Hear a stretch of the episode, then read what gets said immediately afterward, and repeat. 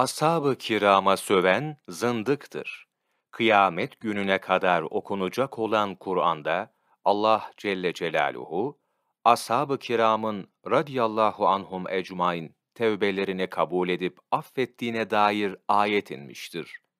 Andolsun ki Allah, Müslümanlardan bir grubun kalplerini eğrilmeye yüz tuttuktan sonra, peygamberi ve güçlük zamanında ona uyan muhacirlerle ensarı affetti.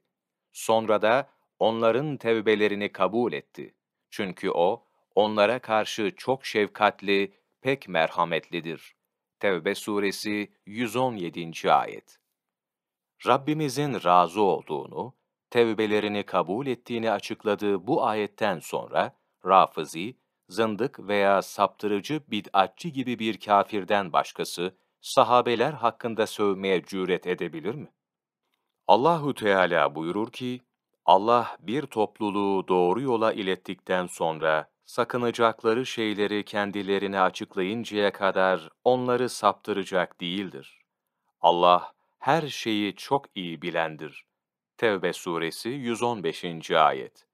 Sahabelerin üstünlüklerini ve öncülüklerini gösteren hadislere gelince, sünnet bunun zikriyle doludur. Sahiheyn'de Abdullah bin Mesud'dan radıyallahu an rivayet edildiğine göre, Peygamber sallallahu aleyhi ve sellem şöyle buyurmuştur. İnsanların en hayırlısı benim asrımda yaşayanlar, sonra onları takip edenler ve sonra onları takip edenlerdir. Bunlardan sonra bir topluluk gelir ki, onlardan birinin şehadeti yeminini, yeminini de şehadetini geçecektir.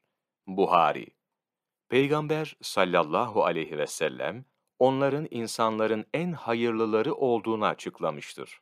Allahu Teala'nın düşmanları, hevasından konuşmayan peygamberin temize çıkardığı insanları lekelemeye nasıl cüret ediyorlar?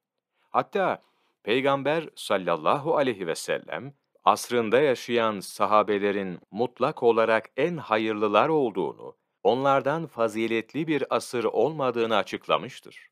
Kim bundan başkasını söylerse, o zındıktır. İbn Hacer el-Askalani, El-İsabe, Seçkin Sahabeler, sayfa 13-15, 23 Ocak Mevlana takvimi.